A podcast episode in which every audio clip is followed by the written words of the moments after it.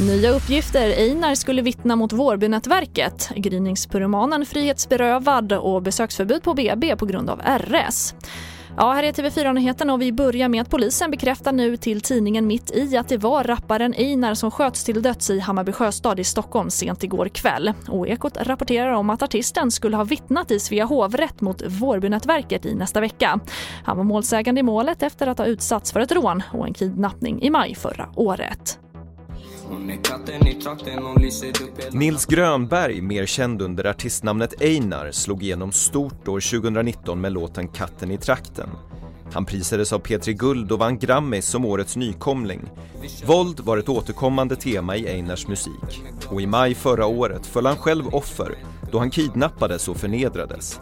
Ett fall som pekade på schismer inom rapvärlden efter att artisterna Haval och Yasin Byn senare dömdes för medhjälp till brottet. Andra artister och fans har idag uttryckt sin saknad då Einar avled efter en skottlossning, 19 år gammal. Och reporter här var Per Liljas och mer om det här kan du se på tv4.se.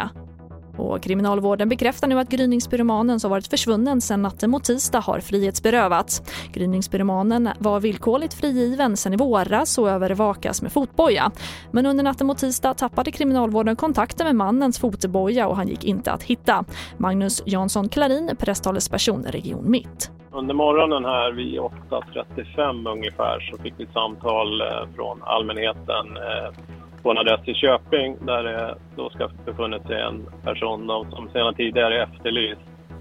Eh, när polis kommer på platsen så visar det sig vara just den här aktuella personen som är efterlyst. Och vi avslutar med att det är fortsatt många barn som smittas med RS-viruset och det här har lett till att det är högt tryck på Blekinge-sjukhusets barnavdelning i Karlskrona. Där är hälften av alla platser på barnkliniken upptagna av barn med RS och för att skydda de allra minsta är det nu besöksförbud på barnkliniken och BB.